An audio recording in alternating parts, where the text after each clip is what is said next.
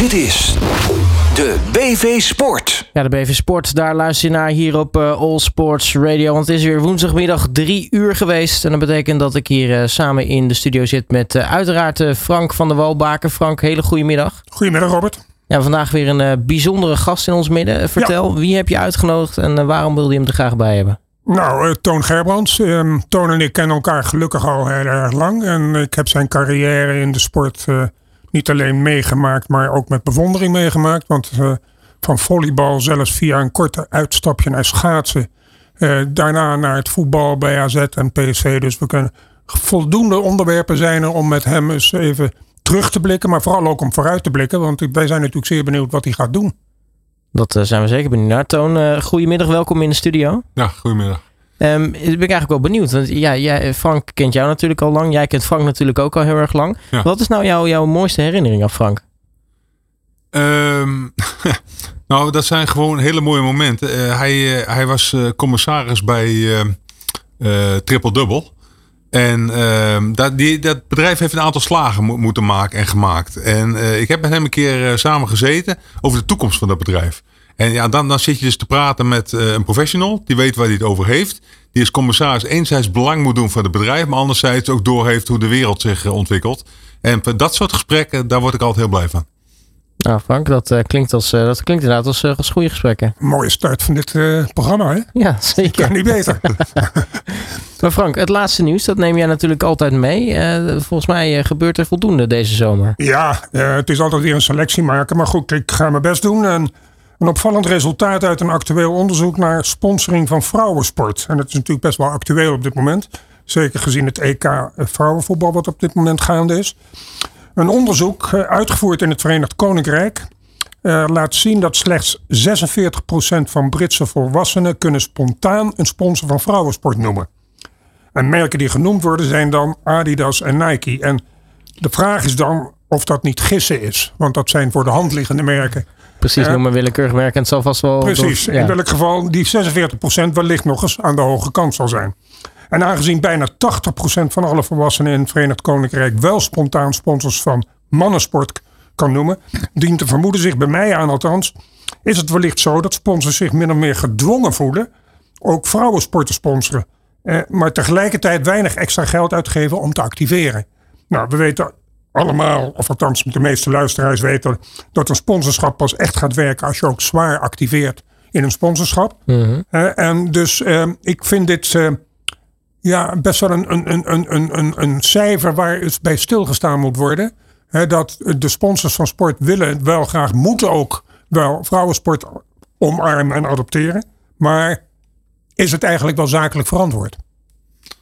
Een keiharde vraag die ik stel. Antwoord komt niet.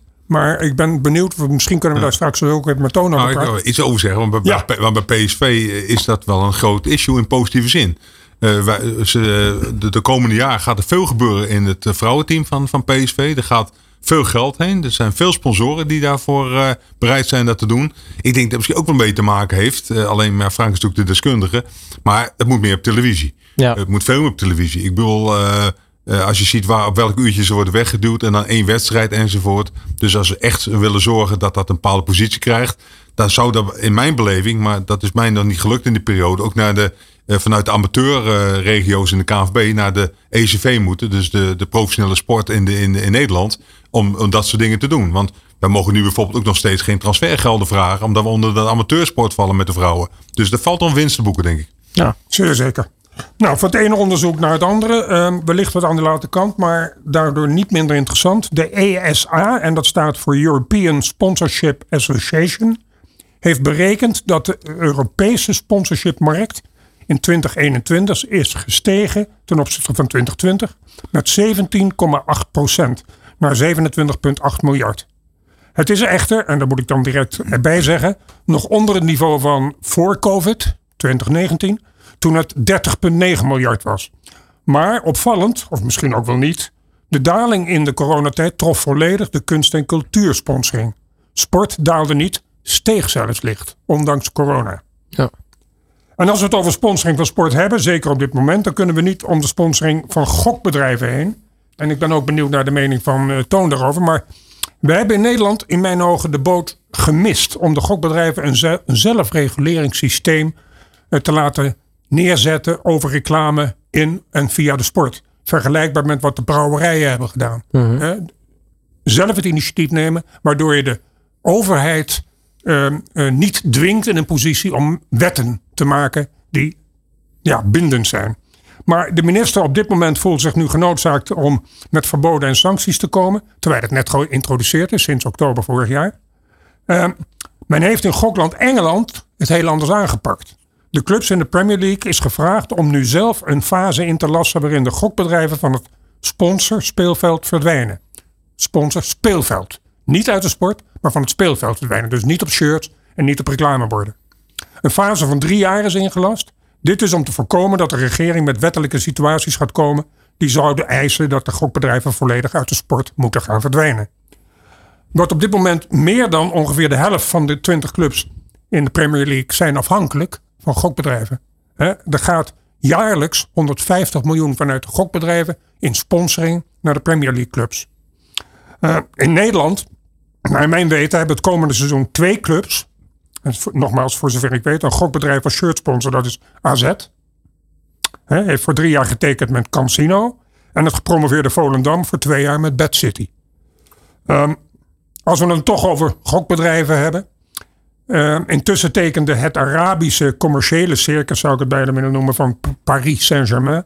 Een 5 miljoen per jaar contract met Parions Sport, als je het zo uitspreekt. Dat nu de officiële gokpartner is van de Parijzenaren voor drie jaar. En van een nieuw gecreëerde topclub naar een van oudsher instituut als Manchester United. Uh, voor degene die het gisteravond niet gezien heeft, Manchester United de eerste wedstrijd gespeeld onder leiding van Erik ten Hag met 4-0 gewonnen van Liverpool. Weliswaar moet er onmiddellijk daarbij geconstateerd worden, tonen, dat zal jij beamen. Eh, ze waren daar geloof ik met 30 spelers en er werd alleen maar gewisseld. Dus eh, het is niet echt een reflectie van de sterkte. Maar het is natuurlijk een opsteken voor Erik ten Hag. Want uh, iedereen die zit zich natuurlijk af te vragen hoe gaat hij het doen bij dat eigenlijk dat prachtige instituut van Manchester United.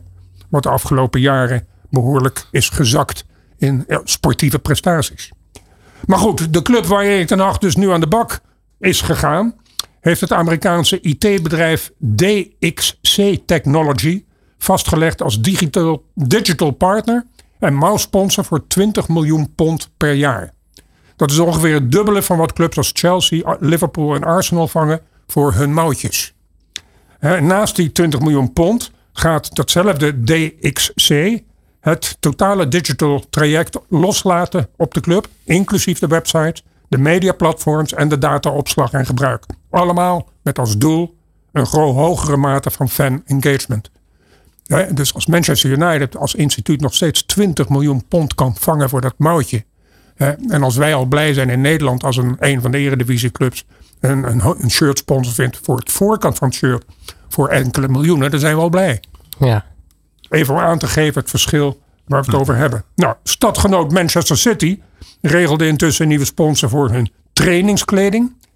Eh, in Nederland nog niet echt gebruikelijk, omdat de hoofdsponsor ervan uitgaan, CQ eisen, dat hun naamlogo op alle kleding verschijnt. Maar in de Premier League, Feyenoord? Ja, Feyenoord zijn uitzonderingen. PSV ook. PSV ook. Ja. ja. staat op de achtergrond van de ja, kledingsponsor. Ja. ja. maar goed, uh, Manchester City tekende een 20 miljoen dollar. dus niet zoals Manchester United ponden. Uh, per jaar contract met het cryptocurrency bedrijf OXC. Voorlopig voor één jaar. En dat zegt mijn inziens genoeg. Uh, ik, ik heb zet vraagtekens bij die hele cryptocurrency business. Die op dit moment zo enorm booming is. En over dat cryptocurrency gesproken. Atletico Madrid, ook niet de eerste de beste club. Tekende een 42 miljoen euro contract per jaar. Met, eh, als shirt sponsor met Whalefin. Dat is een cryptocurrency exchange platform. De deal is voorlopig voor vijf jaar. Overigens, interessant als we het hebben over cryptocurrency, en daar wil ik ook graag de mening van Toon over horen. Ehm, vorig jaar steeg het aantal crypto sponsordeals in de voetbalsportsponsormarkt met 140 procent. Het is daarmee de snelst groeiende tak in de sponsoring van voetbal. Ja, nou, ik, ik, hoorde de twee dingen. Het gokken in het begin. En dacht ik, ik laat Frank even het verhaal afmaken. Om, uh, daar kom ik straks wel even tussendoor. Ja, dat is een heel apart dossier, vind ik, in Nederland. We hebben heel lang gewacht met dat te doen. Dus met andere woorden, jonge mensen die gingen gewoon naar het buitenland toe, die maakten een account aan en gingen daar lopen gokken. Dus er ging heel veel geld verloren uit, uit onze markt. En nogmaals, ik ben niet zo van het gokken, laat ik er even duidelijk over zijn. Maar uh, je moet wel die markt kunnen, kunnen snappen. En ik ben het helemaal met Frank eens. Je luister, uh, nou geven een keer een wet, veel te laat. Uh, dan, dan komen er misschien wat excessen. Of ze gaan in de politiek denken het moet anders. Daar ben ik het helemaal mee eens. Dan moet je zelfregulerend vermogen opzetten. En dan moet je zeggen, luister, als excessen uit de hand lopen, gaan we het regels bijstellen. En die kans is niet geboden. En inderdaad, de inkt is nog niet, nog niet droog van een paar contracten in Nederland. En dat wordt gelijk al binnen drie dagen geroepen, we stoppen ermee. Ja. En weliswaar 2,5 jaar later nog, dan hebben we even de tijd daarvoor. Maar ja, ik noem het als het escalatieladder. Uiteindelijk kan je zeggen, stop ermee. Maar dat, daarvoor zit nog een verschillende fasen. En ja, die wordt een beetje ontnomen. Dus het is ja, voor de bühne duidelijkheid over, over dat gokken. Maar het werkelijke probleem is gokverslaving. Ja. En uh, daar moeten we het dus over hebben. En lossen we dat alleen maar op doordat het, de naam niet op het shirt staat of niet op de boarding staat. Dus het is inderdaad een, uh, ja, een beetje hypocriet dossier aan het worden in, in Nederland, ja. vind ik zelf. Ja. En uh, dat was het laatste vraag weer. Dat ging over de crypto-markt. Ja. ja. Nou, ja, ik, ik, ik ben zelf, als mensen mij kennen, eigenlijk een hele simpele man als het om gaat om geld. Uh, ik had geen aandelen vroeger. Ik had uh, geen, uh, geen crypto's, heb ik. Dat soort dingen. Denk ja, ik snap die markt niet. En alles wat complex is, dat doe ik niet aan mee. Want als ze me niet kunnen uitleggen. Ehm, het is overigens dat die sponsordeals, dat klopt wat, wat Frank zegt. Ook PSV had een crypto sponsor. Alleen je moet de deal wel zo sluiten. Dat het zo wordt geregeld. Dat je dus wel meelift op een deel van, van de inkomsten. Maar niet met risico. Ja. En dus met andere ook bedrijven bij die deals sluiten met clubs waar ze risico-inschatting maken. Of ze krijgen wat crypto's of op andere manier worden er dingen geregeld. Ja, dan kan het je geld gaan kosten. En anders, ik snap die markt niet. Ik heb me er geprobeerd eens in te verdiepen. Dusdanig complex dat ik denk, ja, net met aandelen. Uh, ik heb mijn geld, ik hou het maar op die manier. En als we wat willen sponsoren en op de mouw gaan staan zonder risico, is prima. Maar uh, ik ben benieuwd waar dat eindigt. Dus ik, ja. uh, ik weet het niet. Nee, we zijn het met elkaar eens, Toon. Nou ja, we hebben het over geld in de sport natuurlijk. En dus langzamerhand dagelijks opduikende vraag van wie is straks eigenaar van de sport. Kan ik weer een nieuwe ontwikkeling melden, want CVC, eh, niet onbekend natuurlijk, het in Luxemburg gevestigde investeringsfonds, dat onder andere bekendheid kreeg door de verkoop van het Formule 1 circus voor ruim 8 miljard dollar aan Liberty Media, uh, heeft zich verzekerd van 20% van de commerciële inkomsten in het vrouwentennis. Via een 150 miljoen dollar deal met de WTA, uh, dus de vrouwenvakbond. Um, eerder wierp datzelfde CVC zich op als de bemiddelaar van het samengaan van de ATP en de WTA, de mannen- en de vrouwentennissers.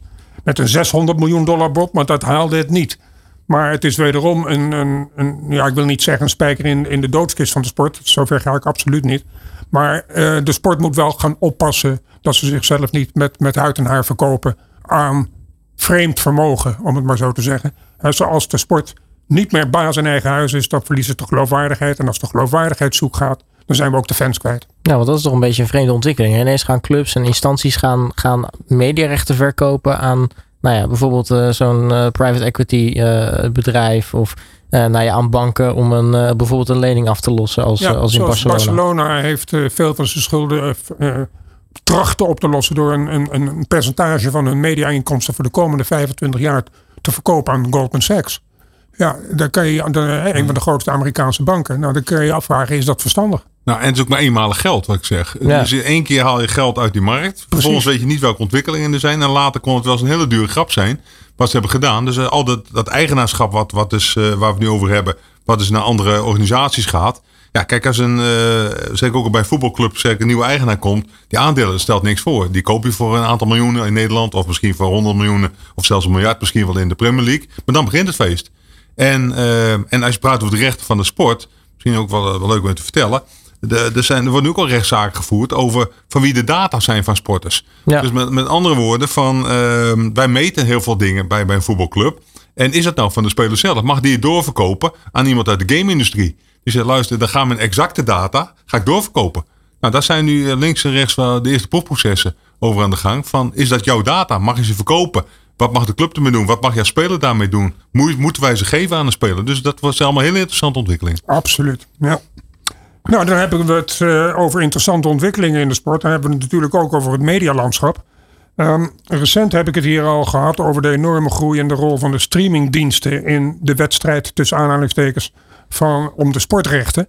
Nou, de voorspelling is dat het de, dit jaar al 20% van alle sportrechten zullen worden verworven door de streamingdiensten. Uh, Amazon en DAZN alleen al besteden dit jaar 2,3 miljard euro aan sportrechten. Daar komt nu nog eens overheen dat Telefonica's uh, Movistar Plus erin is geslaagd om voor 1,4 miljard een sublicentie te verwerven van de DAZN voor de Spaanse La Liga. Um, het zal niet lang meer duren, in, naar mijn mening, voordat de sport primair aan tafel zit met de streamingdiensten in plaats van met de traditionele lineaire zenders. Wat bizar, dan betaal je 1,4 miljard en heb je slechts een sublicentie. Ja, kan je nagaan. Dus ik ben benieuwd hoe het straks uh, met de eredivisierechten zal gaan. Uh, uh, er zit daar natuurlijk Jan de Jong die goede media-ervaring en kennis zal hebben. Dus ik ben benieuwd hoe hij hier de onderhandelingen in zal gaan. Als hij die al, lang, al niet trouwens al voert. Want ik meen dat het in 2025 uh, toont. Dat weet jij misschien. Ja, dat klopt. Ja, 2025 dan, dan loopt het, het huidige contract met ESPN af. Ja. ja. Dus dan moeten ze inderdaad um, vergaderen met de Disney is dat tegenwoordig. En dan, dan kijken wat, wat eruit komt. En, uh, ja, en daarna of er aan andere partijen zich melden. Kijk ja. nog. Um, uh, daarover gesproken, er zijn inmiddels ook nadere gegevens uh, bekend geworden over de deal die Apple TV met de Major League Soccer in Amerika dus sloot. 10 jaar voor 2,5 miljard dollar.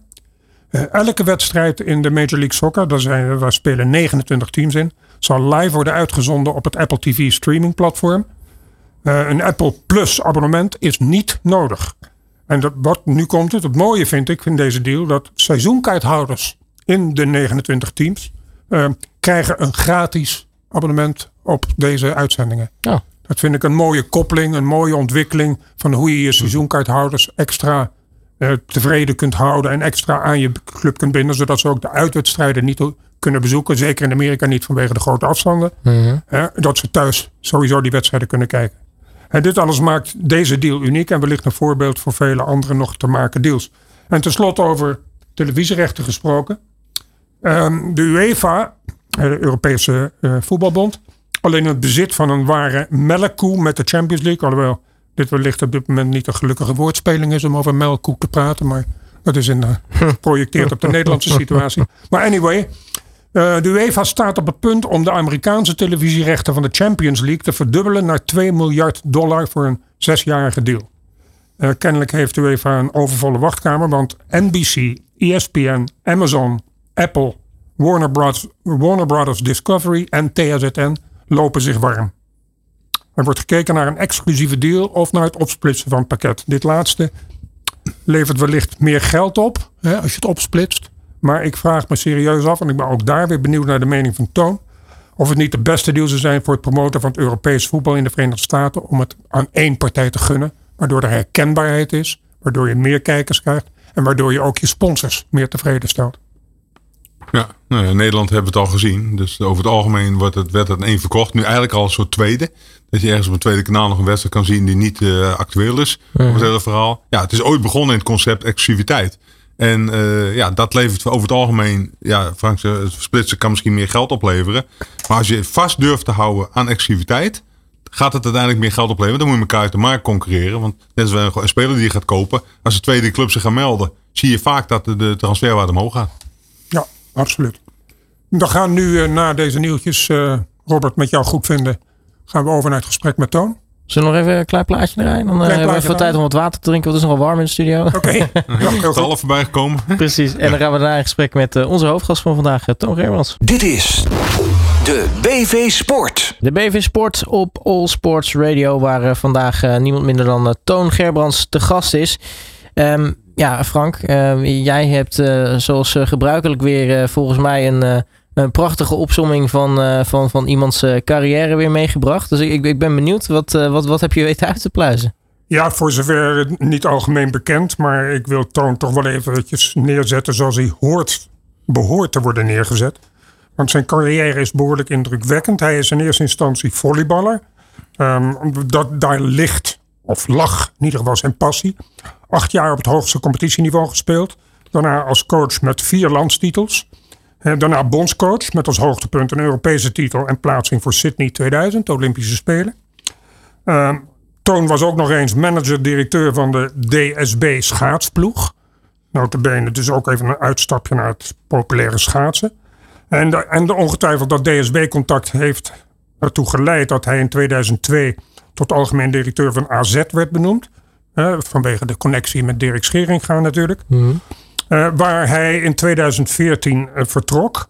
In zijn AZ-periode werd de club in 2009 kampioen van Nederland. Verhuisde de club naar het nieuwe AFAS-stadion. Won de KNVB-beker in 2013 en de Johan Cruijffschaal in 2009. Dus alle prijzen die er te winnen waren, die heeft hij gewonnen. Ehm, AZ speelde in, in Toon zijn periode negen keer Europees voetbal. En als een soort dieptepunt, want die zijn er natuurlijk ook altijd, bleef hij van zeer nabij de val van Dirk Scheringa, Toon. Ja. Um, per 1 juli 2014 uh, volgde Toon um, Tini Sanders op als algemeen directeur van PSV. Uh, waar, je, waar hij tot recent de boel op orde bracht. Uh, want hij, toen hij er aantrad was het financieel best wel precair. En daar kan hij wellicht straks iets meer over vertellen. Hij heeft drie keer heeft hij het landskampioenschap weten te behalen met PSV. Een keer de beker en plaatste hij zich met de club in seizoen 2015-2016 voor de achtste finales van de Champions League. Tussendoor schreef hij ook nog eens even tien boeken. Uh, dus een druk baasje. Dus uh, Toon, uh, je bent nu 64. Is dat voor een energiek iemand als jij niet wat vroeg om achter de geraniums te gaan zitten? Dat klopt. Dat gaat, niet, dat gaat niet gebeuren. Dus het is zo dat, ja, je geeft net een mooie beschrijving van al die. Ik heb 40 jaar zeg in de topsport gezeten. En ja, daar vraag ik wel eens af van hoe, hoe lukt je dat een beetje vol te houden? En ja, een van de dingen is dat je ja, nieuwsgierig moet blijven, want de wereld verandert in, uh, in, in die 40 jaar. Mensen veranderen, je bent met jonge mensen, met jonge generaties te maken. Uh, dus je moet heel erg nieuwsgierig zijn. Je leert jezelf ontzettend goed kennen. Dus van waar ben ik goed in, wat moet ik wel doen, wat, wat, moet ik niet uh, gaan doen. Ja, en, en, je, en je hebt gewoon, dat heb ik ook wel te vertellen, um, heel veel lef nodig. Want ja, toen ik ooit volleybalcoach werd, om even wat aan te geven, toen raadde iedereen me het af. Ik ben ook een ingenieur van de HTS Verkeerstechniek. Ik heb allerlei baantjes gehad in de, in de tijd dat ik volleybalcoach was. En ik verdiende gewoon te weinig. En ik moest uh, ja, een baantje erbij hebben. En iedereen zei, ik kan beter ingenieur worden. Dus ja, en diezelfde mensen die me dat allemaal afraden om volleybalcoach te worden, die bellen nu op voor kaartjes bij PSV om even wat te roepen. Zo werkt de wereld ook nog een heel klein beetje. Dus, uh, nee, dus, dus, dat, dus dat lef en zelf keuzes maken, dat heb ik wel geleerd bij, in, in de tijd van volleybal. Want ja, ik verdiende daar als clubcoach 15.000 euro bruto per jaar. En nou, dat is wat weinig om een gezin te onderhouden. Dus ik heb gewoon een baantje bij gehad. En zo heb ik op managementgebied kunnen ontwikkelen, op topsportgebied. Ja, en uiteindelijk komt dat dan een beetje samen in die professionele wereld van uh, betaald voetbal. Maar is dan niet een volgende logische stap? Want je bent intussen, om maar een gek woord te gebruiken, verslaafd aan topsport. Um, is dan niet een logische volgende stap dat je kijkt naar bijvoorbeeld NOC-NSF of naar de KNVB? Uh, dat, dat lijkt me redelijk logisch. Ja. Nou, bij mij niet. Um, uh, ik ben wel, uh, als je praat over verslaafd, in ieder geval verslaafd aan presteren. Dus ik moet omgeving hebben waar je dingen kan, kan bereiken. Ik, wat heel weinig mensen ook weten. Ik heb ook een keer de Milieuprijs van Nederland gewonnen. Toen ik ambtenaar was bij de gemeente Harderwijk. Ook dat vond ik dan mooi om te kijken hoe ver ik dan uiteindelijk zou gaan komen. Kijk, en je noemt nu twee organisaties op. NOC-NSF. Ja, ik ben een keer in beeld geweest voordat Maurits Hendricks chef de mission werd. Hebben ze mij gebeld of ik dat wilde worden. Nou, uh, ja, dat is niks voor mij. Uh, dan ben ik niet dicht genoeg op de operatie. Dan, uh, kijk, bij een club als PSV of bij AZ, dan kan je elke dag met Louis van Gaal praten. Dan kan je elke dag met Philippe Cocu praten. Met alle coaches die maar rondlopen. Spelers heb je direct contact mee. Ja, daar ligt mijn kracht. Uh, dus ik ben eigenlijk mijn hele leven toch een beetje coach gebleven in, in, in die rol. En ja, bij NOC-NSF, ehm, ja, toen had ik de keuze, daar heb ik goed over nagedacht. Dacht, ja, dat is het niet voor mij. Dat, dat vind ik misschien twee jaar leuk. En dan kan je een halve wereld over reizen. En that's it. En uh, ja, bij de KNVB die vraag is me als vaker gesteld. En uh, ja, ik, als ik ergens ga werken, moet ik ook geloven in de organisatie en de mensen die er werken. En ja, ik loop iets te lang bij een betaald voetbal. Waarvan ik denk van, dat zal nooit een gelukkige match worden tussen mij en de KNVB. Dus uh, deels omdat dat mensen heel lang zitten. En, uh, en deels omdat er voor mij net iets te weinig dynamiek in zit. Ja, enigszins generaliserend, dus houd dat eventjes in gedachten voordat ik je de volgende vraag stel. Uh, ik gebruik wel eens in het land nogal eens redelijk provocerend de, de, de, de, de uitdrukking. Bestuurders in de sport worden geselecteerd op beschikbaarheid en niet op kwaliteit. Um, wat vind je daarvan? Nou, dat, dat, klopt over het algemeen ook wel. Het is zo dat uh, Ja, kijk, als je dan kijkt van welke momenten ik ben gevraagd of, of voor dingen enzovoort. Ehm, ja, dan, dan ga je die gesprekken soms aan. En dan soms gaat het bijna altijd fout. Precies wat jij nu net vertelt. Dat je zegt, luister, het gaat die kwaliteit. En als je dan... kijk, ik had bijvoorbeeld, om het voorbeeld van NOC-NSF even te geven... in die periode dat ze mij dus vroegen... Toen, uh, toen, toen, zei ze, ja, er staat boven jou een algemeen directeur. En als de budgetten van de marketing wat tegenvallen, dan kan het afgaan van de topsport. Nou, dat vond ik een structuur die niet klopte.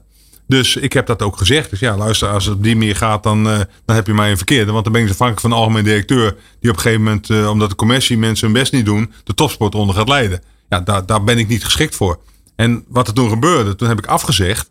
En toen uh, vertelden ze, bel ze een dag later op, bij half in paniek. Van ja, geef jij dan maar de organisatiestructuur weer, hoe, hoe jij het zou willen hebben en hoe ze willen werken.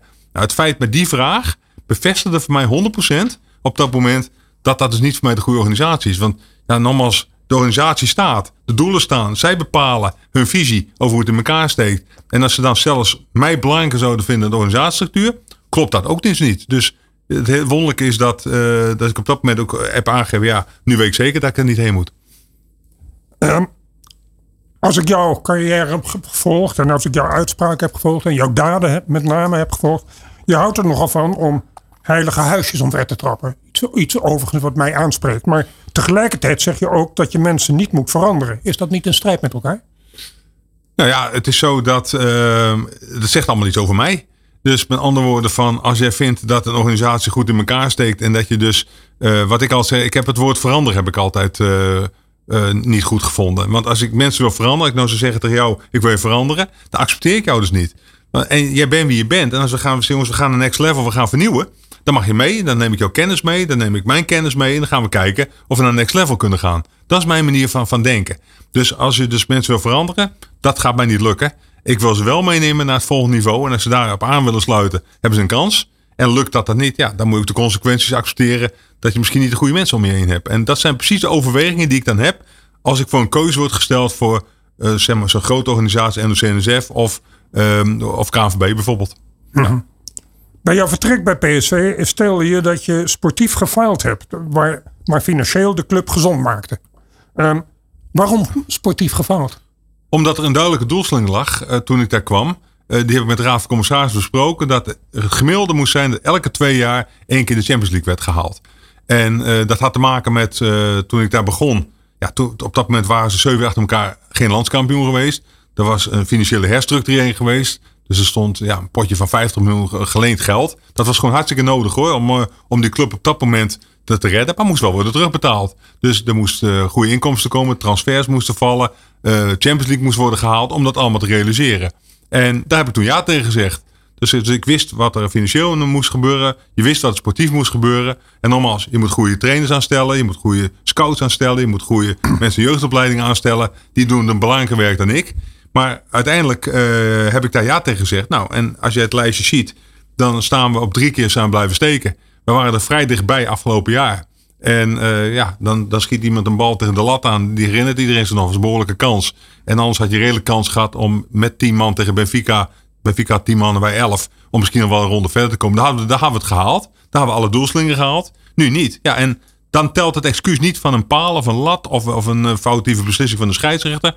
Dan heb je dus het niet gehaald. En uh, nou, falen is, een sterk woord. Uh, maar dat is het in topsport wel. Je haalt het of je haalt het niet. En er zit niks grijs tussenin in mijn manier van beleven. Dus daarom roep ik het woord falen. En op alle andere gebieden is die club op alle gebieden gegroeid. Staat er, of het nou financieel is, of het commercieel is, of bij de jeugdopleiding is, alles wat je kan me noemen, uh, staat er vele malen beter voor dan toen we begonnen. Maar sportief niet gehaald. Punt. Uh, in de voetbalwereld is transfers van spelers naar alle delen van de aarde is algemeen feit en algemeen geaccepteerd. Ehm, wordt er nooit, werd er nooit getrokken van jou, of wordt er nooit getrokken aan jou als, om als directeur te gaan optreden bij een buitenlandse club? Zeker. Ik ben twee keer benaderd door een Premier League club. Om daar directeur te, te, te, zijn of een rol te gaan spelen van behoorlijk belang. Um, alleen ik had uh, van tevoren, moet je heel goed nadenken wat je wel wil en wat je niet wil. En een van de dingen die ik besproken had, ik, ga dan regelmatig wel eens een keer, ja, een keer op reis. En dan gaan we ook met mijn vrouw samen bespreken hoe wat. En ik heb toen zelf uitgevonden een klein beetje dat zo'n buitenlandse club, dat de prijs die ik daarvoor zou moeten betalen, zeg maar als gezin, dat dat te hoog, te hoog zou zijn. Je kan daar vier keer zoveel verdienen. Je zit in de top van de, van de wereld als het gaat over de uh, competitie waar je dus uh, speelt. Maar je komt ook in een soort, zoals ik het altijd omschrijf, moderne bed and breakfast terecht. Want wat gebeurt ieder weekend? Wil er iemand langskomen? Die wil te eten hebben, die wil uh, slapen hebben, die wil een kaartje hebben. En nou, dat is allemaal nog interessant, zullen we maar zeggen. En dan ga ik maandag naar mijn werk. Nou, dan zit mijn vrouw dus op een flat. toen de tijd hadden we nog een hond. Dus die gaat dan mee. Nou, en zo moet zij de dag doorbrengen. Terwijl ze hier in Nederland nu haar autootje kan pakken. Uh, gewoon naar haar kinderen kan gaan en kleinkinderen kan, kan gaan. Uh, mooi wonen, flexibiliteit hebben, zijn eigen baantje kan houden uh, in de vrijwilligerswerk waar ze nu zit. Ja, die prijs wil ik niet betalen om erheen te gaan. Dus ik kon veel meer verdienen. Maar dat was het minst belangrijke voor mij. En als je daar duidelijk over bent, dan, dan gebeuren ook interessante dingen, ook, kan ik je vertellen. Want dan belt zo'n club dus op. En uh, dus die vragen, kunnen we langskomen voor een gesprek? Zeg nee. Ik zeg, het antwoord is namelijk nee. Ja, maar je kan vier keer zoveel verdienen. Ik zeg, ja, dat weet ik wel, maar niet interessant. En, eh, maar kunnen we dan overhalen? Ik zei, nee. Ik zei, dus je hoeft niet te komen. Nou, dan bellen ze een dag later naar wat collega's van mij op bij PSV. Of ik het wel goed begrepen had met de taal enzovoort. Want dat, vonden ze toch wel bijzonder. Dat ze zoiets hadden van, uh, dat is niet eens langzaam hoeven komen voor een gesprek. Maar ja, als je daarover nagedacht hebt, kan je dus duidelijk zijn. En uh, ja, ga je tijd niet voldoen. Dus ik heb altijd commitment gegeven in mijn contract aan de club PSV. En dat betekent dat wie er ook kwam, wie zich ook ging melden, het antwoord was nee. En uh, ja, ik ben nu weer in een andere situatie, maar dat heb ik altijd gezegd. En als er een betere situatie kwam, heb ik altijd gezegd, werk ik mee om het op te lossen. En dat heb ik ook bewezen. Dat vind ik eigenlijk wel verfrissend. Ik bedoel, in een wereld waar, nou ja, voor de buitenwereld althans, uh, geld altijd uh, de, klok slaat. Dan gewoon zo'n aanbod afslaan, gewoon omdat je er zelf niet zo lang bij voelt en je denkt aan je gezin. Dat is ik eigenlijk best wel, best wel mooi dat dat nog kan eigenlijk. Ja, nou ja, dan moet ik ook heel eerlijk zeggen dat mijn gezin heeft best wel een prijs betaald door dat ik zes keer verhuisd ben en de kinderen ergens weer moesten anders wonen en weer een nieuw huis moesten gaan zoeken enzovoort. Dus zo eerlijk zou ik ook over zijn. Maar die stap uh, hebben we dus bewust over nagedacht. En uh, ja, ik, uh, nogmaals, als je praat over iedereen heeft een ego, maar in dat soort dingen heb ik dus geen ego. Dan denk ik, ja, ik heb een PSV ook een goed salaris en ik kan wel nog heel veel meer verdienen en uh, daar naartoe gaan. Nou, dat had gekund, maar in mijn geval vind ik dat de prijs dus niet waard. Mm. En dus heb ik daarvoor gekozen. En dat geeft ook heel veel rust, kan ik je vertellen. Want dan hoef je dus over dit soort dingen niet na te denken. Ik zit bij PSV, ik blijf daar. Uh, zij weten dat uh, als er iemand belt, geef ik het altijd door wie er gebeld heeft. Ik wil, want alles lekt uit in onze wereld. Hmm. Maar ook als ze mij zouden vragen, ook eens een keer gebeurt, of directeur van een ziekenhuis te worden, dan geef ik dat ook even door. Dus ik ja, het anders natuurlijk nee. Maar dat was een interessant verhaal trouwens. Ik vroeg aan die meneer die belde net hun, waarom belt hij me op voor ziekenhuizen? Ik heb daar nul verstand van. Toen zei hij, ja, het is heel lastig om met die specialisten allemaal te werken. We hebben eens gekeken met welke coach je allemaal gewerkt hebt. Met Van Gaal, Adriaans, advocaat, al dat hele rijtje wat je, wat je kan, kan opnoemen. En uh, dat managen lukt niet iedereen. En uh, dan kan je misschien die specialist een beetje in de hand houden. Dat was de overweging. Dat vond ik wel interessant. Maar dat, dat natuurlijk ook nee. Dus maar ik geef dat soort dingen altijd wel door aan, aan, aan de club. Maar ze weten dat als altijd nee is, zolang ik mijn contract teken, blijf ik daar. Want als mijn contract dus niet tekenen, vind ik. Nou ben ik wel nieuwsgierig. Welke twee clubs hebben jou bedacht? Ja, nou dat, dat is nou het enige wat ik, wat ik niet ga vertellen. Want dat hebben ze mij toen uitdrukkelijk gevraagd. Okay. En uh, ik heb het ook nog nooit uh, tegen andere mensen binnen PSV uh, verteld. Okay. Dus ik... Accepteer maar het was, nee, het, was, het was in ieder geval één club uit Londen. Dat kan ik wel, wel zeggen. Dus, um, dat zijn er heel veel. Dat zijn er heel veel. Dat jij, jij hebt bij je vertrek bij, van PSV heb je nog wel twee seizoenkaarten gekocht voor de komende seizoenen. Ja. Um, had de club jou eigenlijk niet een skybox moeten aanbieden voor alles wat je gedaan hebt voor die club? Nee, want ik, ik ben er gewoon voor betaald. En er komt een nieuwe directeur en die gaat het uh, als goed is beter doen nog dan ik. Dus, uh, dus ik vind niet dat dat soort dingen moeten gebeuren. Ik ben heel erg goed beloond, durf ik eerlijk te vertellen. Want ik werd op mijn grote verrassing uh, benoemd tot erelid. En bij erelid krijg je met z'n tweeën twee seizoenkaarten voor het leven. En nou, dus, dan, dus dat vond ik heel bijzonder. Want erelid is iets heel bijzonders bij een club als PSV. Dat zijn zeg een aantal grootheden uit het verleden die dat. Harry van Rij was daar bijvoorbeeld om even aan te geven. En Timmer en Schuitema en Ploegsma om even wat, wat namen de revue te laten passeren. Zelfs Guus Hiddink is dat niet. Dus ik werd echt verrast dat dat op mijn pad kwam. Ook omdat ik natuurlijk ja, niet 40 jaar verleden bij een club als, als PSV. Maar blijkbaar was die waardering ervoor. Dus ik heb nu vier seizoenkaarten, Frank. Dus twee gratis voor, voor mijn vrouw. en die andere hebben hou ik dan ook gewoon aan. Want ja, er komt wel iemand anders. En ik heb in mijn hele leven nog nooit één gratis kaartje gevraagd voor iemand. Die heb ik allemaal zelf betaald. Als voorbeeldgedrag. Ja, dat is, dat is ook mijn stijl een klein beetje hoor. Dus met andere woorden, ik hou die twee aan voor als mijn kinderen een keer gaan komen. Uh, overigens zijn er wel eens twee sponsoren die hebben gezegd: luister, als je ooit langs wil komen, onze skybox staat open. Dus ik heb niet te klagen over zitplaatsen of wedstrijden kijken enzovoort. Hm. Je zei ook bij je vertrek dat je na jouw vertrek onmiddellijk je Twitter-account zou opzeggen. heb je dat ook gedaan en, en waarom? Ja, binnen, binnen een dag. Dus de laatste wedstrijd was geweest. Dan heb ik er even gemeld op Twitter dat ik eraf zou gaan. En uh, nou, dat leidt nog tot wat reacties links en rechts. Uh, nou, het is gegroeid. Twitter was acht jaar geleden. Ik kwam bij PSV. ik had geen Twitter-account. En toen zei Thijs Legers, ehm, hoe het, die kwam op een gegeven moment op toe. Dus ja, eigenlijk vind ik dat een directeur, hij was toen nog bij VI aan het werk, dat hij ook een account, een Twitter-account moet hebben om af en toe te reageren op dingen. Die, en dat had een prima functie, kan je vertellen. Dus ik ben begonnen. Nou, dan heb je binnenkort een keer 20.000 uh, volgers. Nou, dat groeit dan wel naar 30.000. En uh, dus ik, ik kon er iets melden. En als iets gebeurd was, of ik kon een keer iets, goed positiefs melden. Of jeugdteams die kampioen waren geworden. Of het vrouwenteam wat op een bepaalde manier deed. Dus dat was leuk.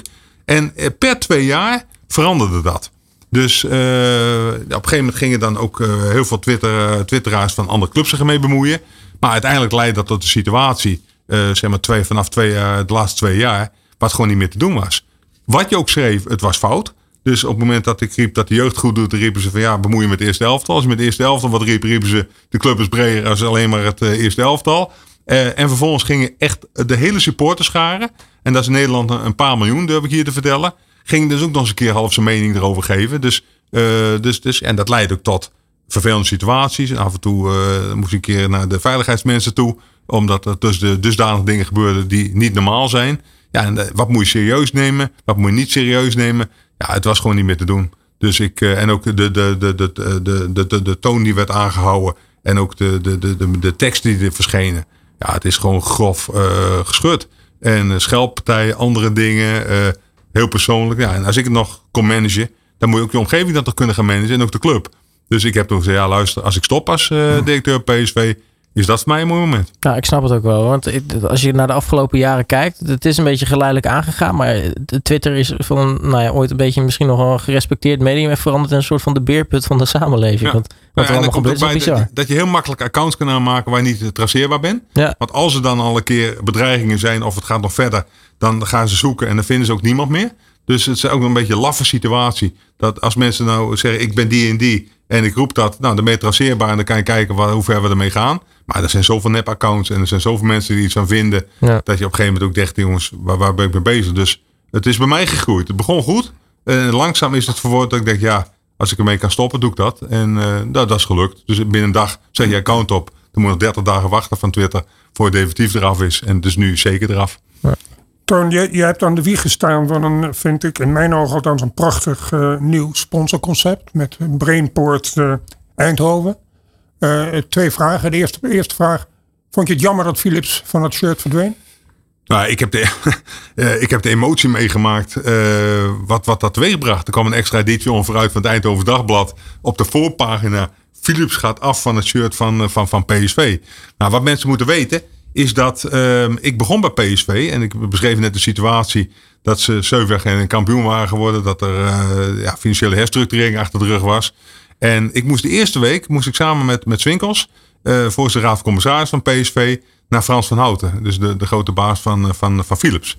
En nou, even kennis maken op koffie. En na een kwartiertje was de mededeling: weet even, over twee jaar of over anderhalf jaar gaan we van het shirt af van PSV. Ik denk: oké. Uh, nou ja, de naam PSV, de eerste letter is Philips ja. sportvereniging. Dus ik denk, nou, dat, dat zal nog wel een bepaalde impact hebben. En, uh, maar er zat ook iets dubbels in. Daar zal ik ook heel eerlijk over hier een keer. Het is leuk om dat een keer te vertellen. Kijk, als je met een club als PSV uh, of met Philips moet onderhandelen. Dan kunnen ze eigenlijk, en ze betaalden redelijk goed, daar laat ik even duidelijk over zijn. Maar zij bepalen eigenlijk wat ze voor over hebben. Dus om het shirt meer waarde te laten, laten krijgen. Ja, kan je moeilijk tegen zelf als club zeggen tegen Philips, je moet eraf. Dus toen dat gebeurde, toen heb ik heel snel geschakeld. Toen zei ik op een gegeven moment tegen Frans Hout, oké. maar dat, hebben we, dat kan maar onder één manier goed gaan als het shirt meer waarde krijgt. Dus jullie zullen iets, iets, iets, iets moeten betekenen, zodat ik jullie kan helpen op het moment dat er naar buiten komt. Dat we samen kunnen zeggen waarom dat misschien toch voor PSV nog wel goed eh, kwam. Nou, toen een lang verhaal kort maken. Toen hebben zij besloten om de stadionnaam te houden. Ze werden innovatiepartner van, eh, van, eh, van PSV. En dat was gelijk een bedrag van 2,5 miljoen voor op de, op de mouw waar we het net over hadden. Nou, van Nederlandse begrippen, mega. Ja. En eh, dat deze vijf jaar en dan een stadionnaam nog eh, tien jaar. Dus het was een totale sponsordeal van 22,5 miljoen. Terwijl ze van het shirt afgingen. Dus zei ik, oké, als wij dan een nieuwe sponsor vinden van 6 of 7 miljoen. Of nog een eh, rugsponsor erbij. Kan het shirt groeien naar 10, 12 miljoen. En, of 10, 11 miljoen. Dat, dat is meer realistisch. Nou, daar was hij mee eens. En ja, dat betekent dat zij behoorlijk hebben moeten meewerken. Om iets extra geld aan ons te geven. En toen dat naar buiten kwam. Dat heb ik uitgelegd direct. Van, ik zeg oké, ik zeg Philips heeft altijd goed behandeld. Nog steeds goed behandeld. We hebben de ruimte nu om een nieuwe sponsor te zoeken. En het shirt gaat meer toenemen. Zodat voor het voetbal het beter wordt. En dat bleek achteraf een strategisch hele slimme zet te zijn geweest. Dus in, de vraag die Frank net stelde. eh, vond ik jammer dat Philips van het shirt afgaan. Emotioneel ja.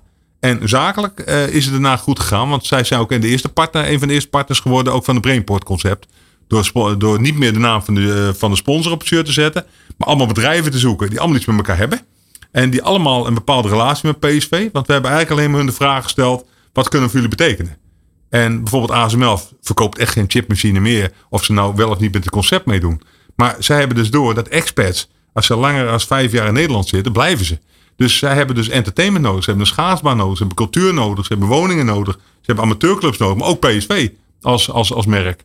En ja, we hebben daar internationaal ook prijzen voor gekregen over dit, eh, dit concept. Dus je moet wel betalen en je staat niet op het shirt. En toch blijf je daar eh, zitten. Ja, dat, dat heeft dusdanig impact gehad dat we op dit moment kunnen zeggen dat de sponsoring, ook onder invloed van Frans Jansen, de commercieel directeur van PSV, ja, een dusdanig hoogte heeft dat we bijna aan onze grens zitten van wat we nog kunnen doen in ons stadion. Dus ik, eh, het is bijzonder goed gegaan. Hoe lang heeft het contract nog met de... Nou, dat is, dat is eigenlijk onbepaalde tijd. Wij hebben dus, doordat we dat concept bedacht hebben, kan er wel eens een keer een sponsor afgaan voor, eh, voor een miljoen of anderhalf. En dan komt Ja. er eentje bij. Want er zijn ook even bijgekomen. De CSU is er eh, bijgekomen om wat, wat te roepen. Dus, en, en niemand op dit moment wil er eigenlijk vanaf. Want wat die bedrijven ook gelukt is om met elkaar samen te werken. Dus Jumbo die heeft zoiets, ja, wij hebben een food app. En kunnen wij bijvoorbeeld Philips helpen? En Philips kan met de eh, medische apparatuur die ze hebben, kunnen ze weer hebben. En kunnen ze de data weer gebruiken die wij hebben in hun apparatuur. Kunnen ze weer naar ziekenhuizen toe doen. Dus het is eigenlijk een heel slim ontwikkeld concept geworden. Waar die bedrijven mekaars krachten eigenlijk eh, zijn op dit moment. Nou, dat is eigenlijk wat je, wat je bij, eh, bij lokale verenigingen ziet, zeg maar de bedrijvenkring. Dus eh, de mensen die dan bij elkaar komen dat ze samen sponsor zijn van zijn voetbalclub. En dan met elkaar gaan samenwerken. Eigenlijk heb je dat concept naar, eigenlijk naar, naar, naar shirt sponsor verheven eigenlijk. Ja, ja nou, en we hebben gewoon hun, gewoon gevraagd. Jongens, luister, waar kun je me helpen? En iedereen had zijn eigen issue en zijn eigen vraag. En eh, eh, ze, ze hebben bijvoorbeeld gemeten een keer. eh, we praten over te, weinig personeel in Nederland. Nou, een bedrijf ASML, even jullie beeldvorming, heeft 100.000 open sollicitanten per jaar. Dus waar iedereen wil gaan werken, want dat is het summum bijna om daar te, te gaan zitten. Nou, daar wordt over nagedacht. De naam Brainport is dusdanig groot geworden onder invloed van PSV. Dat ze daar al niet zoveel promotie voor hoeven te doen. Dat ze doorhebben dat dat veel meer bedrijven zijn die, die daar dus zitten. Dus VDL, Philips, allemaal profiteren ze daar dus van. Dus ja, het bleek achteraf eh, eh, een gouden greep te zijn om dit concept te doen. En nogmaals, wereldwijd, iedereen. Het kan ook niet elke omgeving, durf ik hier te vertellen. Ik denk dat de, de hechte gemeenschap rondom innovatiepartners van, van, van, van Eindhoven. dat het daar nog net even iets anders ligt. Dat ze naar elkaar net iets beter iets gunnen. Enzovoort. Dan dat, ik zie dat niet zo snel gebeuren in Amsterdam en Rotterdam. Maar- Maar is het überhaupt bijvoorbeeld internationaal zo'n concept eigenlijk al eh, ge- ge- verder Nee, gekopieerd nee. daarna? Of is het nog steeds uniek? Nee, het is, eh, dat was zo, zo verrassend van dit concept. En dat is ook waarom, wat Toon zegt. eh, Ze hebben er ook prijzen mee gewonnen. Het is een, ik vind het een fantastisch concept. Het is een, een voor, eigenlijk een, een voorbeeld voor de- in de geschiedenisboeken van hoe sponsoring ook kan werken. Eh, zonder dat je onmiddellijk een logo ergens ziet. En de, wat- de vraag die je stelde is bekend in de hele wereld. Nee, nu door PSV wel. Maar ze komen wereldwijd langs. Iedereen wil weten hoe dat gegaan is. Hoe we dat met, de- met de partijen hebben besproken. En het leuke is, dat is ook wel interessant om te vertellen. Dat eh, een dag na de presentatie van Brainport werd ik gebeld door Peter Wenning. Peter Wenning is de grote CEO van, eh, van ASML. Dat is natuurlijk wel wat gewend wereldwijd. Hij zegt, je wil niet weten wat ik een dag na tijd heb beleefd. Hij zegt, mensen internationaal belden me op. Het hele bedrijf eh, vond dat ze in één keer sponsor waren geworden van PSV. Terwijl ze maar een van de vijf partners waren. Ik ben op straat aangesproken, wat ik nog nooit heb meegemaakt. Hij is dus alleen al door één van de vijf te zijn, denkt iedereen, wij zijn sponsor van PSV. Dus hij praat het woord trots. En de betrokkenheid die erbij is, dat was ook heel bijzonder. Hij zegt, eh, ik zou bel nog ergens anders. Nee, ik wil ook even met je delen. Ja. Terwijl, moet nagaan, terwijl hij al wat gewend is Ja. eh, Ja, mooi. in de wereld van eh, miljarden. Ja, um, Toon, uh, ik kom niet, ontkom niet aan de volgende vraag. Uh, je hebt Philip Cocu meegemaakt, je hebt Mark van Bommel meegemaakt, je hebt Roger Smit meegemaakt. En nu Ruud van Nistelrooy, jouw mening daarover? Ja, ik denk dat hij gaat slagen. Um, kijk, ik heb nu acht jaar ervaring met Ruud van Nistelrooy als mens en als coach. En toen ik net begon bij PSV, heb ik elk jaar met hem gesprekken gevoerd een soort coachgesprekken. In het begin wilde hij nog niet heel veel als trainer. Hij had wel zijn diploma's allemaal gehaald. Hij had ook al meegelopen links en rechts. Uh, toen, toen, wilde hij op een gegeven moment wel een jeugdteam gaan trainen. Ik zei oké. Ik zei maar dat betekent inderdaad dat je niet op zomer op vakantie kunt. Dat, dat je er elke dag moet zijn. Dat je kinderen niet meer naar school kan brengen. Dus weet even wat je, wat je prijs die gaat betalen. Nou, dat, dat heeft gewoon een paar jaar geduurd. Toen is hij uh, jeugdteam gaan trainen. Eerst onder 19 en daarna jong PSV. En elke keer heb ik met hem gesprekken gevoerd. En dat waren eigenlijk gewoon coachgesprekken. En uh, ja, ik heb hem dus meegemaakt als mensen, meegemaakt als trainer. Hij heeft uh, altijd, net als speler, zorgvuldigheid betracht. Om inderdaad ervoor te zorgen dat hij een soort fundament uh, ging bouwen. Zodat hij daar. En je bent nooit klaar voor de volgende stap. Dat durf ik hier te vertellen. Dat geldt voor iedereen in het leven. Toen ik van AZ naar PSV ging, was ik klaar voor de volgende stap.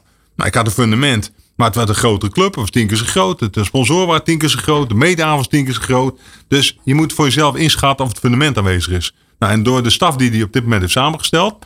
En als je kijkt wat er aan voetbalkennis zit met Marcel Brands en met uh, Mission de Jong in de top van de organisatie, maar ook met, met Fred Rutte. Uh, ja, ik denk dat, hij dat, dat dat heel slim ontwikkeld is.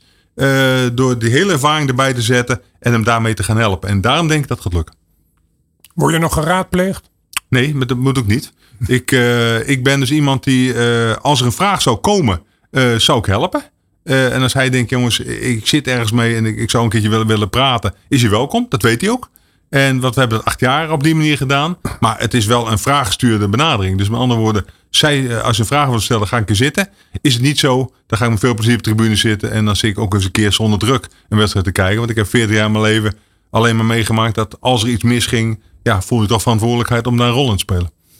Wat is voor een club als PSV ehm, de grootste barrière te overwinnen om Ajax te evenaren? Dat ligt eraan wat evenaren betekent. Als het op sportief gebied eh, gebeurt, dan die kans is er bij PSV al jaren. Als je de laatste twintig jaar gewoon op een rijtje zet en je ziet wanneer de prijs zijn geworden, zie je wat golfbewegingen. Dat wij het een tijdje deden, althans zeker mijn eerste periode. Toen heeft Ajax weer een tijdje opgepakt, dus de tweede periode. Ja, nu komt het denk ik wat dichter bij elkaar. En als je praat over uh, het financiële verhaal, daar heb ik mij zelf al heel lang bij neergelegd dat dat gat niet overbrug is. Dus je moet dat slimmer doen. Je moet dat net als de regio Eindhoven doen. Op een slimme manier gaan aanpakken.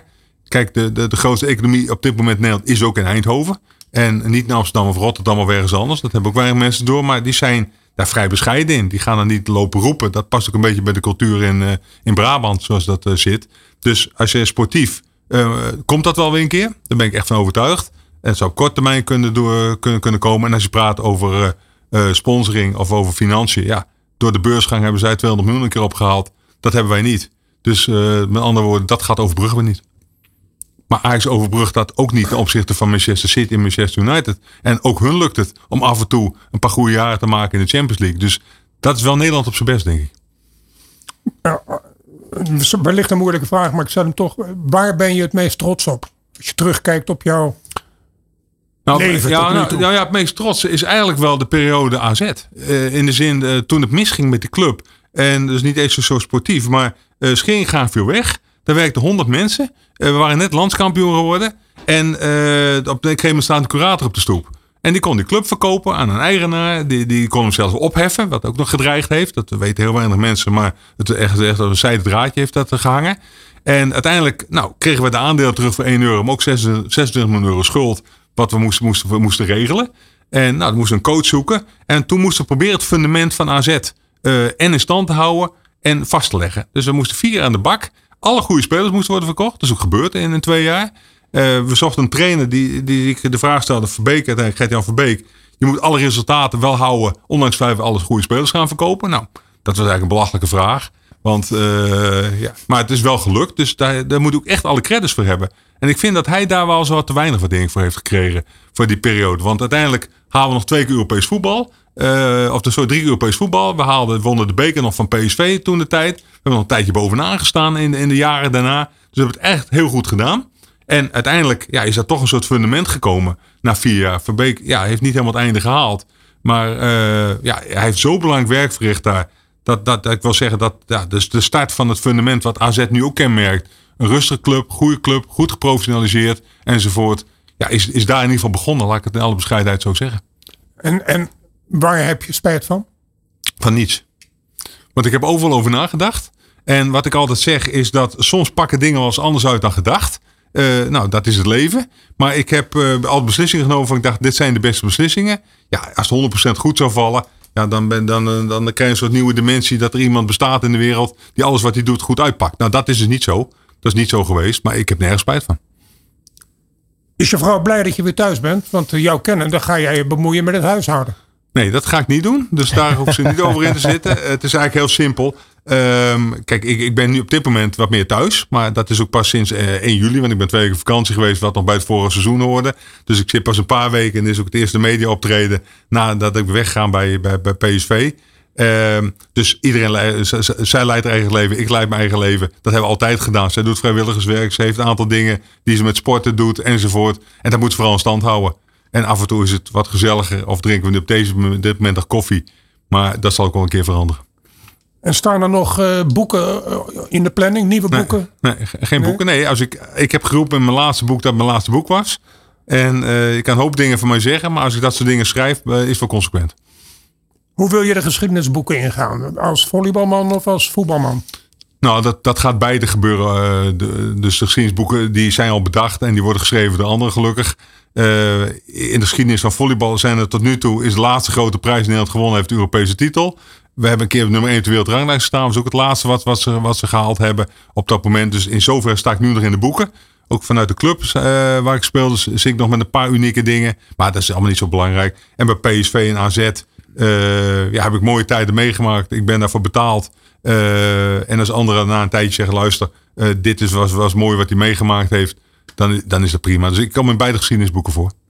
Een laatste vraag, Toon. Um, we hebben natuurlijk, uh, jij en ik zijn beide, net zoals Robert trouwens hier, grote liefhebbers van sport, grote liefhebbers van voetbal. Uh, we zien veel dingen gebeuren. Wat is naar jouw mening de grootste bedreiging op dit moment voor het voetbal? Nou, dat is, dat is een beetje het, uh, de. Jij noemde me net al in een van die, van, die, van die beschouwingen vooraf over wat er allemaal gaande is. Uh, het is zo dat, uh, kijk, PSV is nog een club waar de aandelen 100% bij de club zitten. En dat betekent dus inderdaad dat het redelijk stabiel is. Dat, maar op het moment dat ze morgen zouden besluiten dat naar een eigenaar te gaan, te gaan geven, dan, dan kan zo'n club heel snel in verval raken. En je kan zeggen, ja, ik ga een paar honderd miljoen extra in pompen, want die eigenaar heeft heel veel geld. Nou, dat is allemaal eenmalig geld. Die man gaat ook een keer dood. Wat gaat de familie daarmee doen enzovoort. Dus, uh, dus het verhaal wat, wat Duitsland een beetje kent. Je kan best misschien wat steun vragen links en rechts. Maar je houdt altijd 51% van de aandelen bij een club. Zodat ze altijd zelf kunnen beslissen. En Bayern München doet dat met twee derde. Want dan kunnen ze alle grote beslissingen dus nemen.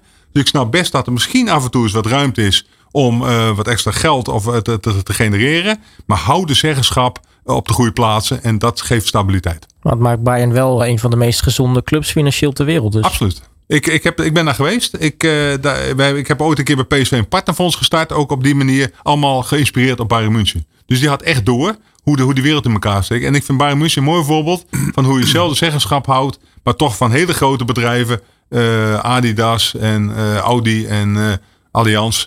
die, die, die, die pompen er wel 100 miljoen in. Ja. En om even wat, wat te roepen. Dus zij doen het op een eigen manier. En ik denk dat dat het meest mooie voorbeeld is om die structuur een beetje stand te houden.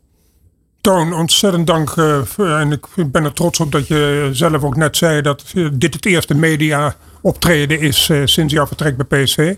Ik ben er trots op dat je dat aan ons gegund hebt. Dus dank voor je komst. Zeer interessant. Ja. En wellicht nog voor een volgende keer als je weer een nieuwe stap in de sport maakt. Wie weet, ik ben gaan kijken waar ik uitkom.